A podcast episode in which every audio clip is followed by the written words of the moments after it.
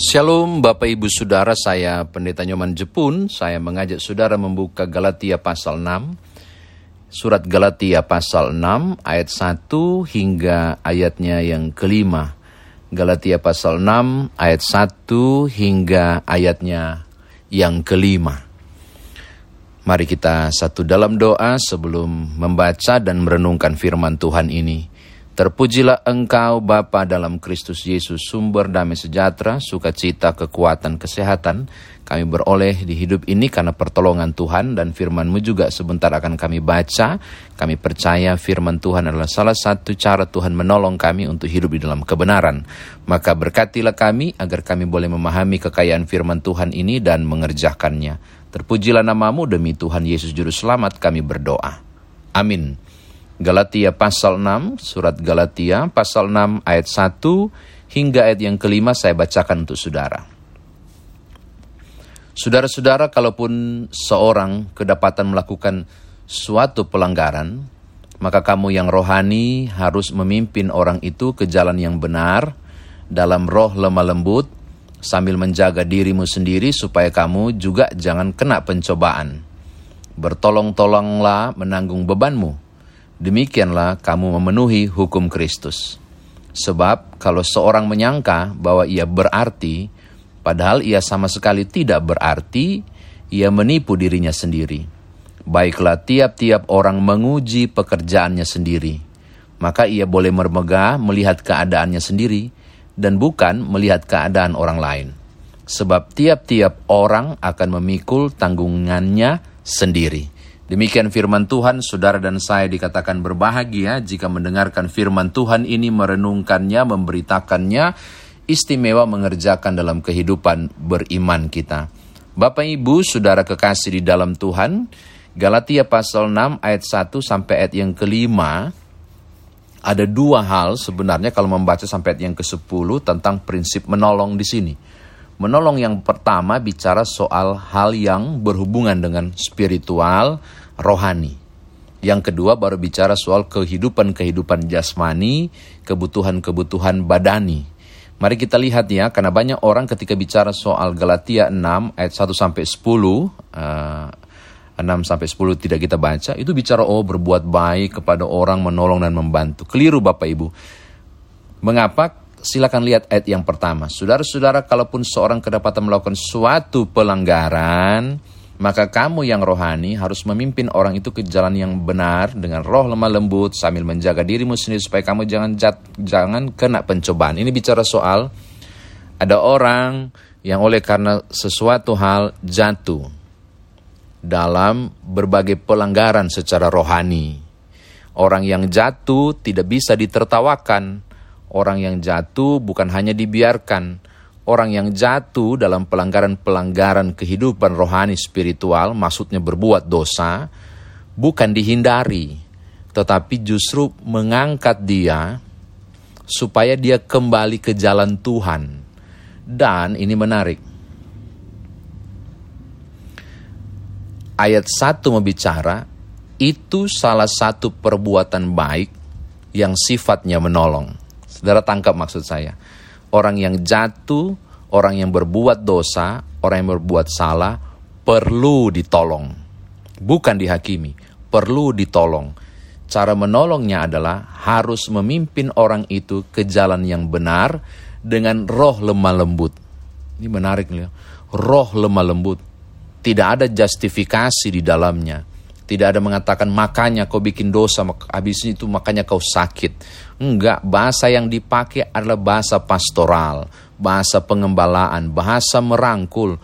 Bukan justru ketika orang jatuh berbuat salah, kita timpahkan tangga. Ini menarik ini ayat 1. Mengapa Bapak Ibu?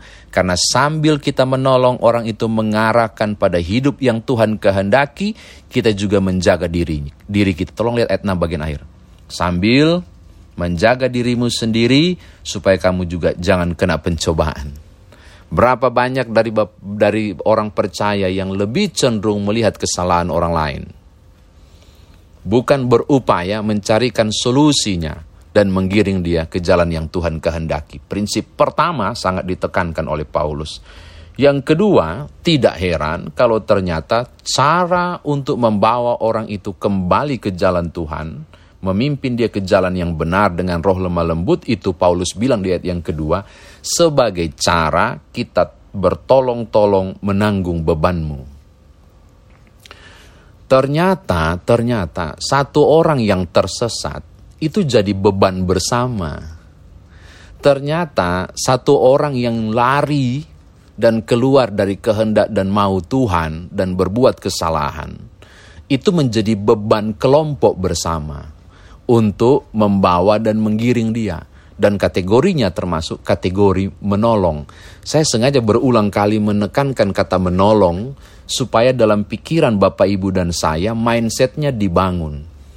Ketika saya lihat orang berdosa, ketika saya melihat orang itu jatuh, ketika orang itu berbuat apa yang tidak benar, maka yang saya bangun dalam diri saya adalah dia ber, bukan dia berdosa, dia jahat, dia tidak pantas, bukan. Yang saudara bangun dalam pikiran adalah aku harus segera menolongnya. Prinsipnya dengan loh roh remah lembut sambil jaga diri kita jangan jatuh dalam pencobaan.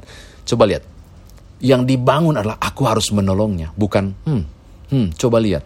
Enggak, ini bicara soal kepedulian saudara pada satu orang yang jatuh dalam pencobaan menjadi luka bersama, menjadi rasa sakit bersama dalam persekutuan. Sehingga kita dipanggil untuk tolong dia, ayo tolong dia, supaya dia ke jalan yang benar. Oke, ini hal yang kedua. Yang ketiga Bapak Ibu, Bukankah kecenderungan orang bermegah karena sok rohani? Coba lihat, berapa banyak dia sering masuk gereja. Dalam satu tahun paling cuma satu kali barangkali begitu. Coba saya dong, tidak saya lebat, lewatkan 52 minggu itu beribadah. Atau coba lihat, kejahatan demi kejahatan dia kerjakan. Coba lihat saya. Seharusnya kita bukan bermegah pada kejatuhan orang. Sebaliknya kita bermegah kalau kita benar-benar di jalan yang benar dan kita merasa ada yang kurang, mengapa? Karena cuma kita dibenar dan dia tidak. Maka aku tidak bermegah pada kekurangannya, tapi mindsetku bangun. Aku harus menolong dia supaya dia bersama-sama dengan jalanku. Tidak heran kalau ayat 4 mengatakan, orang harus menguji diri.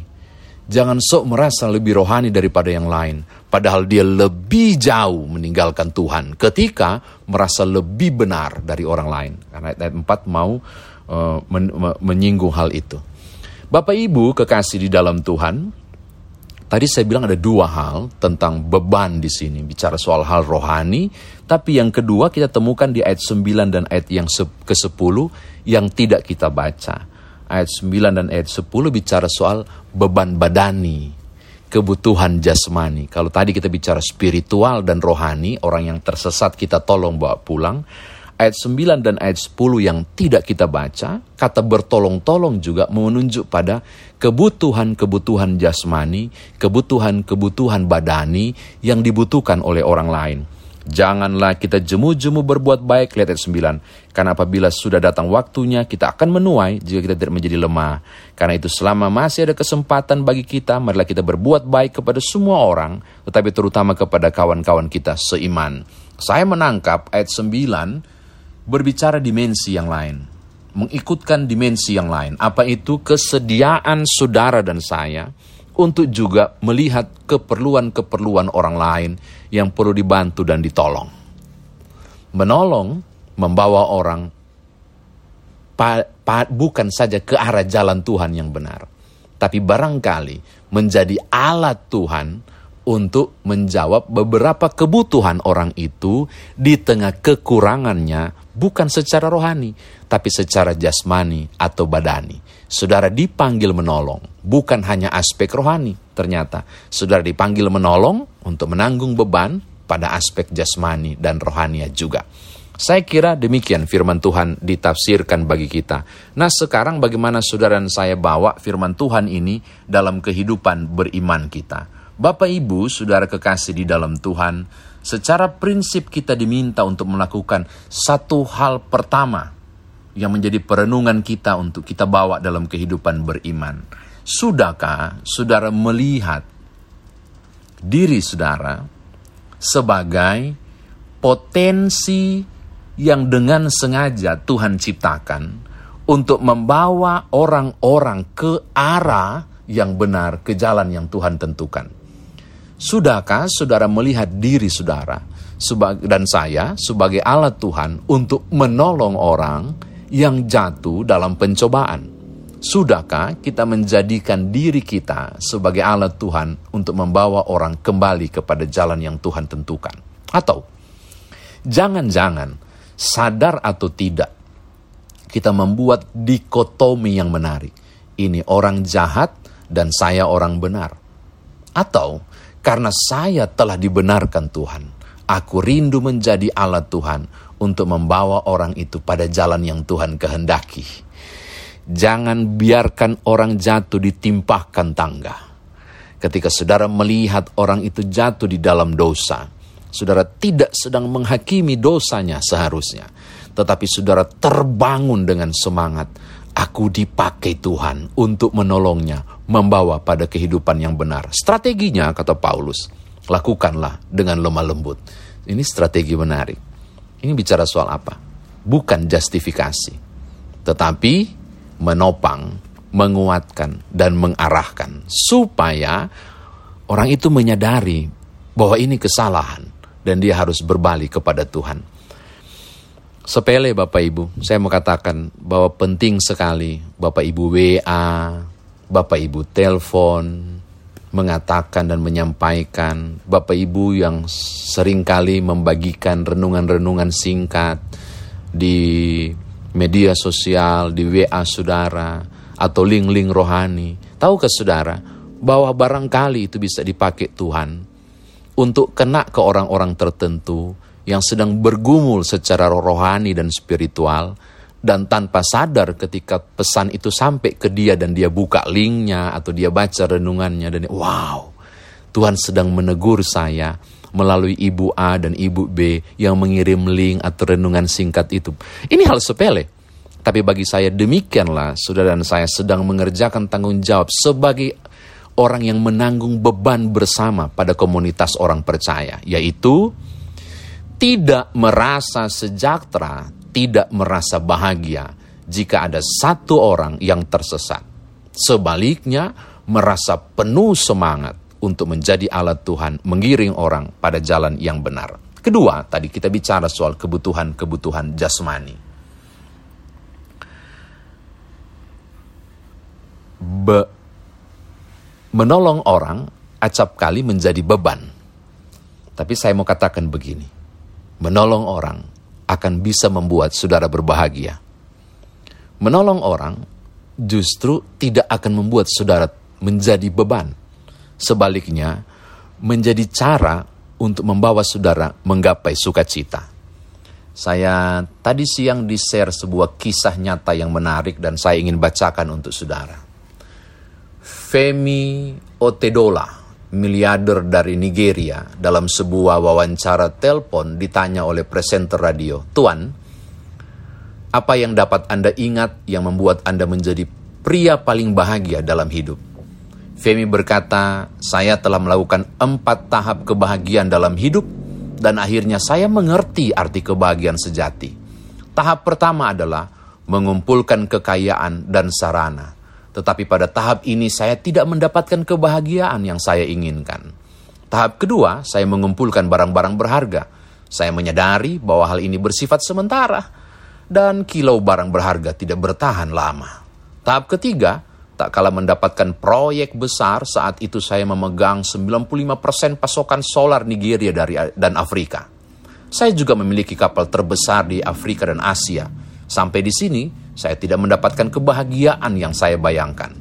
Tahap keempat adalah saat teman saya meminta saya untuk membelikan kursi roda untuk beberapa anak cacat, hanya sekitar 200 anak. Atas permintaan teman, saya langsung membeli kursi roda. Teman itu bersikeras agar saya pergi bersamanya dan menyerahkan kursi roda kepada anak-anak. Saya bersiap dan pergi bersamanya.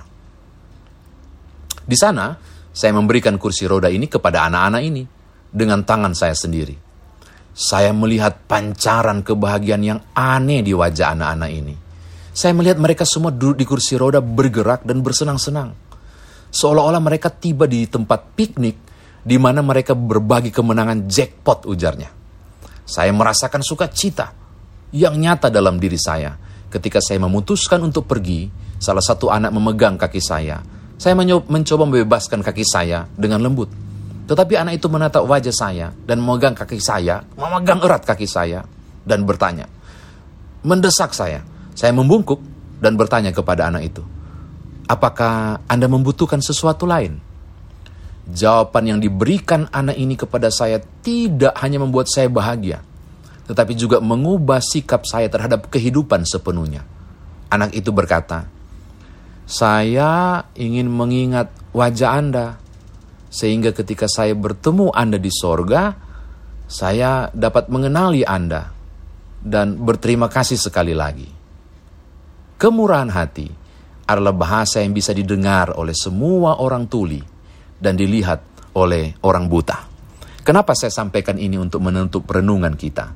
Ketika Paulus berbicara tentang semangat menolong, bukan saja secara spiritual, tetapi juga secara badani dan kebutuhan jasmani orang lain. Sebenarnya, saudara menolong orang lain, saudara sendirilah yang sedang ditolong melalui menolong orang lain. Apa sebab? ketika engkau melakukan berbagai kebaikan kepada orang lain, Tuhan mengirimkan sukacita yang sangat berharga dalam diri saudara, yang nilainya melampaui pengeluaran apa pun yang saudara bantu bagi orang lain. Ketika saudara menolong orang lain untuk bertolong-tolong menanggung beban bersama, saudara sebenarnya sedang ditolong Tuhan melalui ketika engkau berkorban bagi orang lain engkau menemukan kebahagiaan yang sejati. Selamat menanggung beban bersama. Jadilah berkat, bermurah hatilah, sebab di sanalah kebahagiaan sesungguhnya. Bertolong-tolonglah menanggung bebanmu. Tuhan berkati saudara. Haleluya. Amin.